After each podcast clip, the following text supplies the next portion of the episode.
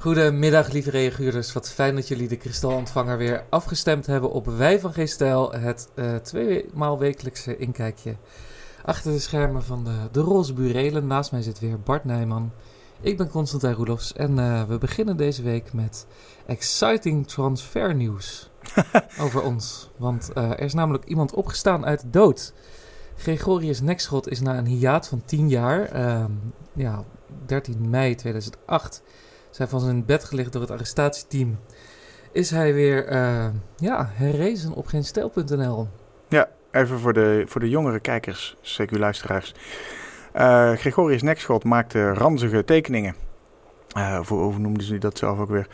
En werd, daardoor on, werd daarom onderzocht door het MDI, het Meldpunt Discriminatie Internet, een van de meest overbodige subsidiepruts instituties die we ooit gehad hebben. Ja. Uh, en zonder enige waarschuwing of klacht vooraf is hij toen op een gegeven moment, inderdaad 13 mei 2008, van zijn bed gelicht door de politie. Of uit zijn huis getrokken, s'avonds laat. Uh, omdat er uh, aangifte gedaan was wegens haatzaaien en oproepen tot haat en uh, dat soort dingen. Omdat hij wat tekeningen gemaakt had over, over verschillende onderwerpen, maar met name en specifiek de religie van de vrede. Ja. En hij verscheen toen ooit nog een jaar daarna, nadat de hele boel eigenlijk met een sisser was afgelopen, want hij is nooit echt vervolgd. verscheen hij in Burka bij Pauw en Witteman aan tafel. Mm -hmm. Want wat zou er gebeuren als je identiteit wel bekend werd? Ja, dat weet ik niet, maar ik uh, wil gewoon voorzichtig zijn. En uh, je moet rekening houden met het ergste tegenwoordig. Wie is de vijand eigenlijk? Nou, dat is uh, lastig te zeggen. Dat zouden meerdere groepen kunnen zijn. nou, we hebben allemaal het voorbeeld van Theo van Gogh nog voor ogen. Bijvoorbeeld, dat, dat de grootste narigheid je kan overkomen. waar vooral Paul Witteman, Paul Witteman nog wel wat neiging leek te hebben... om, om hem toch maar heel erg onfatsoenlijk en ondeugdzaam te vinden. En daar zat hij geflankeerd door Hans Steeuwen, die het natuurlijk voor hem opnam. Want vrije ja. woord en zo. En, uh, maar hij heeft destijds wel uh, van, uh, van spontane schrik en doodsangst de deksel op zijn inkpot geschroefd. En heeft ja. nooit meer een tekening gemaakt sindsdien. Tot ja. inderdaad de glorieuze wederopstanding gisteravond, zondagavond op Geen Stijl. Waar hij voor het eerst in, in bijna tien jaar dus weer een nieuwe tekening produceerde. Ter publicatie en ter omlijsting van een stukje over, over, over ja, over belediging. Op, ja, over, over beledigingswetten. Juridische, juridische over het juridische verhaal. Ja. Juridische, een kort stukje juridische geschiedenis over hoe de familie Donner... want het was ja. ooit uh, de opa van uh, CDA-mogul uh, Piet Hein Donner...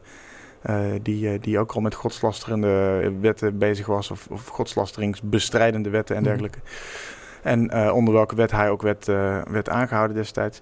En hij maakte daar een, uh, voor het eerst weer een tekening bij. En hoe anders een herintrede te maken dan met een cartoon van Allah. Ja, ja, ja, we zijn weer helemaal terug in business. Ja, het is een verwijzing naar het ezeltjesproces van Gerard Reven. Ja. Die ooit ook voor smadelijke godslastering voor ja. de rechter werd gesleept. Omdat hij gezegd had dat hij God als eenjarig ezeltje in, de, in de kont genomen had. Muisgrijs. Muisgrijs ezeltje, dat werd het ezeltjesproces, beroemde zaak. Uh, en uh, daar verwijst de cartoon naar, want die zegt: Wat God kan, kan Allah ook. En die heeft zich dus als eenjarige volbloed Arabier, wat dus een, een paard is, drie keer door Wellebeck laten nemen. Want Wellebeck is de huidige vaandeldrager, toortsdrager van de ironische uh, zelfvernietigingsbeschrijving. Ja, ja, ja. denk ik. Missionisch, ja. Dus daar verwijst hij naar. Dus uh, ja. ja. nou ja, welkom terug Gregorius. En uh, wij, ik vind het persoonlijk ontzettend leuk dat dat op geen stijl is gebeurd. Ja, en, en het moment van terugkeer, die tien jaar na die, die arrestatie, is, is de problematiek urgenter dan nu? Of is de afgelopen tien jaar veel veranderd op dat gebied? nou, ik denk dat je niet zo snel meer voor een cartoon vervolgd zult worden. Zeker niet wat er, sinds wat er met Charlie Hebdo gebeurd is in nee. 2015. Nee, dat durven ze niet mee, nee. Ik denk, als je nu de, de, de eerste CDA die het nu aan zou durven om een, om een cartoonist van zijn bed te liggen, lichten om een smadelijke, godslasterende cartoon, dat is uh, diegene die zijn eigen politieke doodsvonnis tekent. Ja. Denk ik. Ja, ja. Hoop ik. Je weet het nooit met het CDA. Ik bedoel, Grapperhaus, minister Grapperhaus van uh, Veiligheid en Justitie is actief aan het onderzoeken hoe de vrijheid van meningsuiting iets kan worden ingeperkt zogenaamd om haatsprekers als uh, Sheikh Afwas te kunnen aanpakken. Ja. Maar in werkelijkheid om ons allen in onze vrijheid van meningsuiting te beknotten natuurlijk. Dus het zou me ook weer niet verbazen als, het, als er wel wat uh, gebeurt. Maar de noodzaak is, is des te hoger inderdaad. Juist door Charlie Hebdo is het... Uh, is het, is het een eh, prangende kwestie geworden om toch juist weer zoveel mogelijk van dit soort cartoons te maken. En daar wil ik nog wel even op ingaan ook. Want in de comments zag ik ook een paar mensen opmerken van... jongens, doe dit nou niet, want dit kan niet meer. Dit is gevaarlijk. Straks staan uh, Ja, de, de ja, ja. staatscensuurpolitie van de islam staat voor jullie deur. En die komen niet vriendelijk vragen of je hiermee op wil houden. Nee, maar dan, dan is het niet een strijd tegen een staatsmacht, maar tegen een bepaalde uitwas van bepaalde culturen waar... Moslims. Ja, waar het culturele taboe op eigen richting en op geweldpleging tegen mensen met een andere mening gewoon niet bestaat. Ja, en daarom is, Maar, het dus, eh, daarom is het dus van belang om dit soort tekeningen te blijven maken. Dat is ook mijn allergrootste chagrijn over, over eh, de naslip van Charlie Hebdo. Ja, We hadden toen met ons allen, alle media, iedereen, alles, gewoon al die fucking cartoons moeten herdrukken. Gewoon Ja. als bijlage in de krant, als boekje apart uitgeven, in abris op het station en in de bushokjes. Gewoon laten zien van jongens, jullie kunnen wel met mitrailleurs tegen onze tekeningetjes komen schieten. En tegen onze tekenaars. Maar dat wil niet zeggen dat ze daarmee weggaan.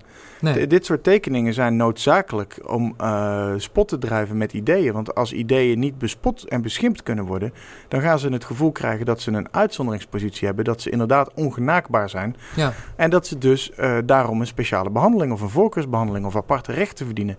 En dat is precies eh, het soort geweld wat de islam, wat de radicale islam aanwendt. Om, eh, om, om op die manier ze gelijk af te dwingen. Zij zeggen Ja. gewoon van ja, jullie willen grappen over ma- ons maken, prima, maar dan komen we jou doodschieten. Kijken wie je dan grappen durft te maken. En op die manier dwing je af op een soort maffia manier dat degene eh, dat je je alleen beschermd waant als je je kritiek voor je houdt. Ja, dus als eh, minister eh, moslimgrapperhaus dan zeg maar de, dus, dus juist die vrijheid van meningsuiting inperkt om die eh, haatpredikers aan te pakken, dan krijg je dus eigenlijk dat die islamisten daarmee in de kaart worden gespeeld. eh. Ja, want als sharia één ding ook voorstaat, dan is het natuurlijk de inperking van vrijheid. En van Ja. vrijheid van meningsuiting en van andere uitingsvormen. Dus Ja. het helpt elkaar in zekere zin. Want Grapperhaus die, die, die beweert dat het natuurlijk is om, om bepaalde haatzaaiende teksten te kunnen weren. Maar tegelijkertijd eh, eh, eh, pakt hij een hele brede kwast om een heel specifiek probleem mee weg te schilderen. Ja. Want hij wil van alles en iedereen kunnen zeggen dat het misschien wel haatzaaiend is wat ze zeggen. Terwijl we bij die Fawad Jeneid, waar het in dit specifieke geval om gaat, al 15, 20 jaar horen wat voor rabiate kolder die man allemaal Ja. uitkraamt. En je die man op persoonlijke titel daar prima op aan kan pakken. Mhm. En ook, eh, maar dan moet je wel stap 1 zetten. En dat is eh, de, de bronnen waar hij zich op beroept in zijn uitspraken proberen ter discussie te leggen. Dat is wat zo'n tekening doet. ja. Die zegt, luister, jullie geloof is allemaal prima. En je mag je geloof hebben. Maar je, dat wil niet zeggen dat wij jouw geloof, eh, dat wij knielen voor jouw geloof. Want dat is wat, Ja. wat een deel van die gelovigen willen. En wij zeggen, flikker op met je, met je bitmat gebeuren. Als Ja. jij daarop wil gaan liggen vijf keer per dag, ga je fucking gang in dit vrije land.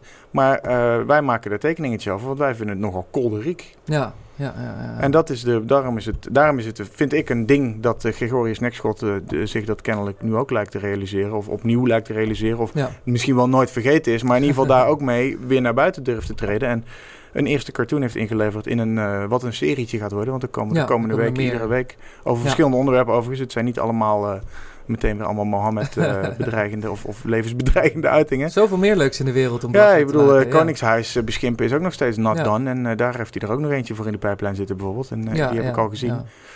Ja. Die zal wel weer als- door velen als onfris bestempeld worden. En dat moet ook. Je moet mensen af en toe tarten en uitdagen. En die grens van die vrijheid van meningsuiting een beetje power. opzoeken. En mensen daarmee boos maken. Je weet pas waar de rode lijn ligt als je hem af en toe overschrijdt. Ja. Maar als niemand probeert die rode lijn te benaderen... komt die steeds krapper dichter bij je te liggen... tot je allemaal in zo'n klein kuthokje zit.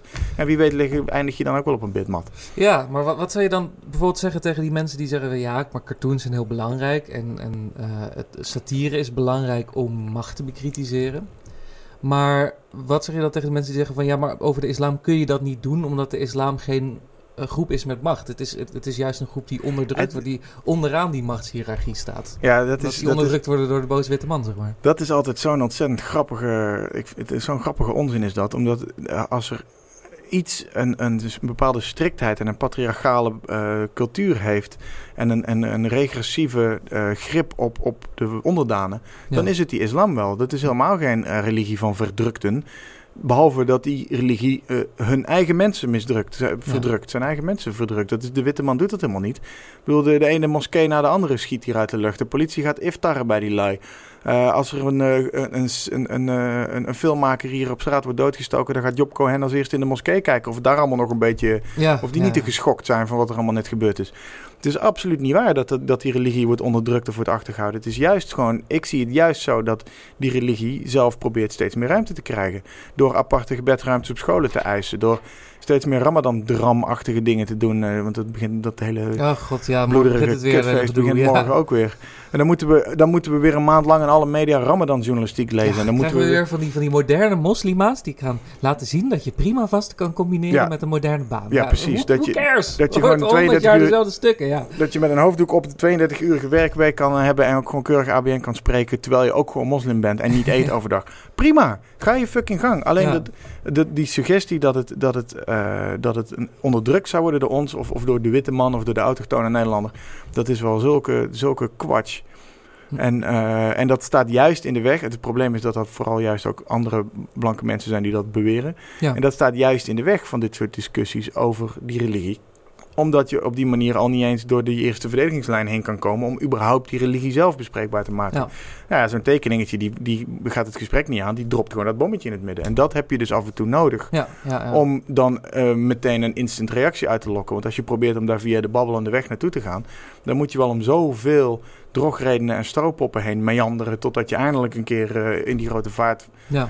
Van, van, van het islamdebat waar je echt naartoe wil uitkomt. Nou ja, dan moet je gewoon af en toe even zo'n bom gooien. Ja. Heel goed. Blij dat hij terug is. Ja, daar ben ik ook erg blij mee. Ehm, dan gaan we door naar het volgende onderwerp. En dat is eh, eigenlijk de, precies het spiegelbeeld van de eh, vrolijke en ontregelende satire. Dat is namelijk een woedend topic van jou van het weekend. Een echt ministermens. Namelijk over het nieuwe eh, communicatieprotocol van het kabinet. Dat het kabinet moet eenheid, contact, herkenbaar en transparant uitstralen.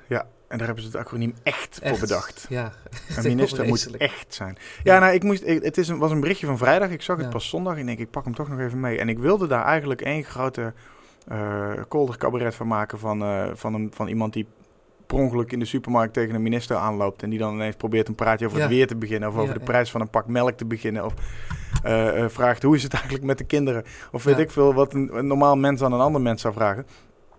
Maar eh, toen las ik ook het zinnetje dat... dat er staat ook een zinnetje in, in dat protocol dat ze willen proberen om de communicatie te beheersen. Te beheersen, en ja, dat ze dat steeds ja. meer. En toen werd ik inderdaad toch een beetje pissig. Ik denk van, maar het is helemaal niet aan jullie om die communicatie te beheersen. Nee. Jullie moeten gewoon normaal. Is het nou zo moeilijk geworden voor die politieke kasten om gewoon normaal te doen als Ja. normale mensen onder elkaar?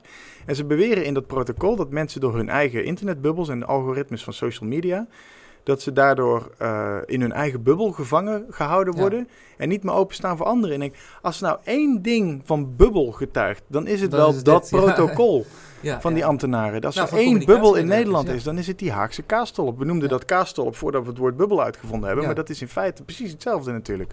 Ja. En dat is, ja, het, het zegt zoveel over die lui dat ze die communicatie denken te willen beheersen. En eerst was, het, eerst was dat internet, 25, 30 jaar geleden, was het internet iets van voorbijgaande aard. Ja. Eh, Het was, was een, volgens mij een vrij brede politieke opvatting.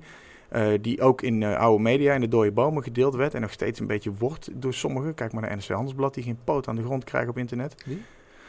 Daar ga je al. En eh, inmiddels is het internet gewoon doordrongen door, tot alles. Er is niks meer wat niet meer via internet op een of andere manier gaat. Ik bedoel, we pro- proberen ons tweede referenduminitiatief via internet ook weer te doen. En nu zijn ze ineens bang dat ze geen grip meer kunnen krijgen op het narratief daar. En nu krijg je dat het internet dus eh, niet alleen aan dit soort protocollen onderhavig wordt, maar ook aan wetgeving, waarmee overheden toch weer proberen om eh, ook op internet eh, de piketpaaltjes te slaan en de normen te bepalen. En Ja. zelfs de vervolging te kunnen afdwingen als er iets gebeurt wat hen niet zint. Maar het, het staat dus ook gewoon letterlijk, dat vind ik het zorgelijke. Dat ze het willen proberen. Enerzijds, ja, daar kun je nog om lachen, want het internet is groot genoeg om ergens weg te kruipen en toch wel lekker te doen waar je zelf zin in hebt. Ja. Maar anderzijds is het toch zorgelijk dat de, de, de train of thought, de gedachtegang die ze daar in Den Haag hebben over het internet, dat die zegt, eh, wij moeten zorgen dat wij die, dat narratief kunnen beheersen. En, en eh, in de volgende zin staat dan eigenlijk bijna van wij, mensen zitten in hun eigen bubbel. Ze willen die mensen in de politieke of in de Haagse bubbel zien te krijgen, in de Haagse, eh, de, de goede denkrichting. En dat vind ik dan wel weer zorgelijk. En zeker, eh, ik bedoel, het is een hartstikke koddig idee om een minister op straat tegen te komen, die dan ineens een gesprek met je aan probeert te knopen, terwijl die Ja. al, weet ik veel hoe lang, geen normaal mens meer van dichtbij gezien heeft. Want iedereen die, die, die ziet, die niet politiek is, die, heeft, die wil iets van hem. Dat zijn lobbyisten of dat zijn mensen die anderszins iets te verkopen hebben of zo. En dan gewoon mensen in een gewone kroeg, ja, Ik bedoel, een van een Klaas Dijkhoff geloof ik dat hij op een normale manier met normale mensen kan communiceren. Ja, maar dat doet hij ook alleen maar als hij niet in functie is. Dat, dat is denk ik een probleem wat heel veel mensen hebben met de, met de huidige politiek. Is dat politiek kies je natuurlijk voor personen die individueel ook verantwoordelijkheid dragen. En als er op het departement wordt verneukt, dan moet de minister persoonlijk opstappen. Alleen alles wat hij doet of zegt, is niet, komt niet vanuit zijn eigen verantwoordelijkheid. Zijn of haar verantwoordelijkheid wordt gewoon bedacht door allemaal D66'ers met bruine schoenen. die dan ergens op een laptopje een Amerikaans boek hebben gelezen over communicatie. en dan een communicatieprotocol opzetten. Waardoor je een soort plastic politiek krijgt. Waar gewoon heel veel mensen helemaal geen zin meer in hebben. En, en denk ik ook bijvoorbeeld bij de PvdA massaal weggelopen zijn. En als ze dan eens een keer een politicus krijgen die gewoon uit zichzelf een heleboel domme dingen roept zonder filter. Zoals dat dan lijkt bij een uh, zekere kapitein van de Renaissancevloot of zo. dan zie je dat meteen daar de hele bende weer achteraan rent. Ja. Omdat er een bepaalde eerlijkheid in de politiek is. Ja. En, en die is gewoon onder de Teflon Don Rutte, die natuurlijk gewoon het voorbeeld is van zo'n communicatiemanagers-democratie. Pratende paspop. Ja. Dat is echt een pratend paspop. inderdaad. Ja, en ik denk dat, dat die politici aan twee kanten uit elkaar getrokken worden. Want aan de ene kant hebben ze een soort vrees voor de mondige burger gekregen. Want in een korte Ja. tijd zijn die vrij massaal meer zelf te opgekomen. Ja. Eh, we hebben veel stemgeluid, meer stemgeluid gekregen, beter bereik dankzij internet. Iets waar de overheid veel en veel te laat zelf aan boord gestapt is. Ja. En anderzijds wordt het inderdaad, wat je zegt, eh, helemaal geplastificeerd in PR-protocollen. En er zit op iedere minister zitten gewoon 15 voorlichters, bij wijze van spreken. Nou, misschien niet eens bij wijze van Niet eens spreken. bij wijze van spreken. ja. En die, die proberen dan een soort Ja. van plastische analyse te maken van wat het volk is en hoe je dan die, dat gepeupel zou moeten benaderen. Ja. En dan krijg je het, zicht van, van, van ministers die met een, een zilveren schaaltje met, een, met cake Ja. zo naar buiten gestuurd worden eh, om, om een plakje cake aan de mensen aan te bieden. En, en, Ja. Maar ik vind het ook heel raar dat nu ineens het Nederlandse volk als een soort ding wordt gezien dat uniform en homogeen eh, dezelfde mening moet hebben. En die moet natuurlijk allemaal dezelfde kant op, allemaal pro-EU, allemaal pro-dit, pro-dat. In plaats van dat ze gewoon, vroeger was het in de Nederlandse politiek natuurlijk altijd gewoon van, ja, kijk, we hebben nou eenmaal die verzuiling. 90% van de mensen zit in een andere zuil dan die van mij. We moeten werken met allemaal heel veel verschillende meningen. En de vraag is, waar ligt het gemeenschappelijk belang? Hoe krijgen we dat bij elkaar? Ja. Dus toen werd er gewoon gezegd van, ja, je hebt een andere mening. Want, die, want je zit bij een andere kerk of je bent een arbeider. Je luistert naar de varen. En, en dan werd er gewoon politiek bedreven op de democratische aanname dat er een verschil van mening in een samenleving is. En dat je al die verschillende bubbeltjes Ja. bij elkaar. En nu wordt, het, wordt er gedaan alsof het heel erg is dat er die verschillende bubbeltjes zijn. En Ja. dat, is, dat is echt heel vreemd. Dat is een hele rare omschakeling in de Nederlandse politiek. ja, ja. Terwijl die, die, die hele verzuiling is nooit echt opgehouden. Want we zijn Nee. natuurlijk allemaal nog altijd in onze eigen kringetjes van achterban en dingen. Ik merk het met die referendumcampagne nu ook weer. Daar zit je ineens in Apeldoorn bij, bij de Christenomroep of bij, bij Family 7. En dan zit je echt in een ander wereldje dan wat ik gewend ben. En ik vind Ja. het juist wel leuk om dan eh, die, die gang over te steken en daar een keer een handje te geven en met die mensen Ja. te praten. Omdat, omdat er een, een soort van gemeenschappelijk belang is op dat moment. Dus een gelegenheidsbelang. Ja. Maar dat, dat is met zo'n referenduminitiatief ook wel interessant. Dat, eh, je hebt mensen die zien dat dus, die zien dat gelegenheidsbelang. Die christenen zijn echt geen fan van geen stijl. Nee. En, en eh, geen stijl is ook vaak geen fan van, van bepaalde christenen. Of, of, Ja. of van bepaalde strenge geloofsstromingen. Want het is echt niet alleen de islam waar we kritisch op zijn natuurlijk. Nee. Maar toch zien ze het gedeelde belang. En dat vinden ze op dat moment even belangrijker. Omdat dat toch over een bepaalde inhoud gaat. Over een bepaalde eh, algemeen nut. eh, iets wat ons allemaal aangaat. En denken, nou misschien kunnen we elkaar daar helpen. Anderzijds zie je ook mensen die, die kunnen dus weer juist ostentatief niet voorbij de boodschapper kijken. Nee. En die zeggen nou ja, eh, referendum ben ik eigenlijk wel voor. En die donorwet vind ik kut. Maar geen stijl organiseert dit. En daar wil ik niks mee te maken hebben. En ik ja oké, dan zijn de... Dan, dat, dat, dat laatste eh, neigt dan een beetje meer naar, naar een machtsbehoud, eh, wat je ook vanuit Den Haag ziet. Dat het, de, boodschapper, de boodschapper is minstens zo belangrijk geworden als de boodschap. Misschien zelfs wel belangrijker. En dat is eigenlijk een treurige ontwikkeling. Je moet er gewoon ju- juist die gangen kunnen oversteken en die, die handen kunnen reiken als, het, als je ziet dat er een bepaald gemeenschappelijk belang is. En dan ja, kun je, ik, ik denk dus juist dat heel erg dat, dat de, de Nederlandse politieke beschaving en wel- welvaart die we hier met z'n allen op hebben opgebouwd, heel erg gebaseerd is op het idee dat je elkaar in je eigen bubbeltje laat. Alleen dat je bij gemeenschappelijke fora, zoals de democratie en de media, toch met een bepaalde manier van, van redelijkheid naar een bepaald soort consensus komt. Dus echt, echt dat oude poldermodel. Ja. En dus eigenlijk is zo'n zo'n zo'n communicatieprotocol waar iedereen dan in één keer... eh, ja, ofwel in de, in de juiste, correcte bubbel zit, of door de Russen wordt beïnvloed en aan de andere kant of zo. Dus dat er gewoon een soort van manigese vijand Er aan de ook- andere kant er wordt. is ook nooit één goed antwoord. Nee. Er wordt nee, altijd nee, nee. gesuggereerd dat er naar één goed antwoord gewerkt moet worden. En dat is Ja. er gewoon niet. En er Nee. zit te weinig speling meer op, omdat er zo... de- Dat komt voor een deel ook omdat er nu... Vroeger had je gewoon belangengroepen en die hadden vertegenwoordiger die ze naar voren Ja. schoven. En die kon dan ergens op radio, op tv iets zeggen of bij de politiek. En nu kan iedereen het op eigen titel laten horen. Dus er is ook heel veel meer ruis op de lijn gekomen. Het is Ja. veel moeilijker om daar een mediaan uit te destilleren van wat willen mensen nou eigenlijk. Ja. Eh, dat zie je eigenlijk al bij zoiets, ook weer zoiets simpels als een relatief simpels als een referenduminitiatief over een duidelijke wet. Het is gewoon heel duidelijk, Ja. mag de overheid het wel of niet beschikken. En hoeveel, op hoeveel verschillende manieren mensen daar allemaal op in kunnen vliegen en wat ze wel en niet willen en wel en Ja. niet zien. Dat is ongelooflijk. Dat er iedere keer denkt van, oh ja, dit, zo kun je het ook bekijken. Ja, dat is ook nog een... dat- ja, maar de kunst is om daarvan te leren. Ja, en dan te luisteren die- naar wat andermans motieven zijn en daar ook een beetje op te sturen. En, Ja, maar managers als Rutte, die willen alleen controle. En dat gaat nou helemaal niet in een democratie. Dus, dus ja, die, die hele vermanagerisering van die, van die politiek is gewoon... eh, Ja, en dat gaat ook uiteindelijk ten koste van de vrijheid, omdat het eh, eh, tot antidemocratische gedachten leidt als hoe beheersen wij de communicatie. ja, Dat is volstrekt antidemocratisch als gedachte. En daarom Ja. werd het dus uiteindelijk, om dit item af te ronden, eh, werd iets waarvan ik eh grinnikend en giechelend eh, dacht van, oh, hier ga ik een heel melig stukje van maken. Werd het eigenlijk toch, toch nog inderdaad een beetje een boos stukje, vanwege denk ik van ja... De eerste die uit zijn bubbel moet springen zijn jullie zelf. Ga gewoon zelf eerst eens een half jaar alle Tros muziekfeesten op het plein af. en probeer je daar eens in, in onder Ja. te dompelen voordat je dit soort protocollen gaat schrijven van bovenaf. Want het gaat niet werken. ja, En nu ga ik eh, zelf weer protocollen schrijven om handtekeningen Goed. te verzamelen. ja. Hoe, eh, hoe staan we ervoor? Eh, we zijn op ene, als ik hoop dat we vandaag de 75.000 halen. En dan zitten we op een kwart. Ja. In een dag of eh, 9 à 10. Dus dan zitten we op schema. Maar ik blijf zeggen, het gaat lekker, maar het mag harder. Het Goed. mag harder. Als u getekend heeft, vergeet vooral uw buur, buurman niet te vragen, uw buurvrouw, uw naaste familieleden en uw collega's op werk. Ja, en eh, iedereen tegen wie je het op straat wil schreeuwen. Ja, mag, maar vraag uit. flyers aan, Referendum. vrijwilliger. Referendum.nl, tekenen daar. En, en inderdaad, de sleutel tot succes zijn andere mensen. Eh, wij willen graag deze communicatie beheersen. Teamwork Dus, eh, makes the dream work. ja. We maar proberen de communicatie te beheersen. U moet het vooruit betalen. Referendum.nl. En bedankt. Dag. Thank you.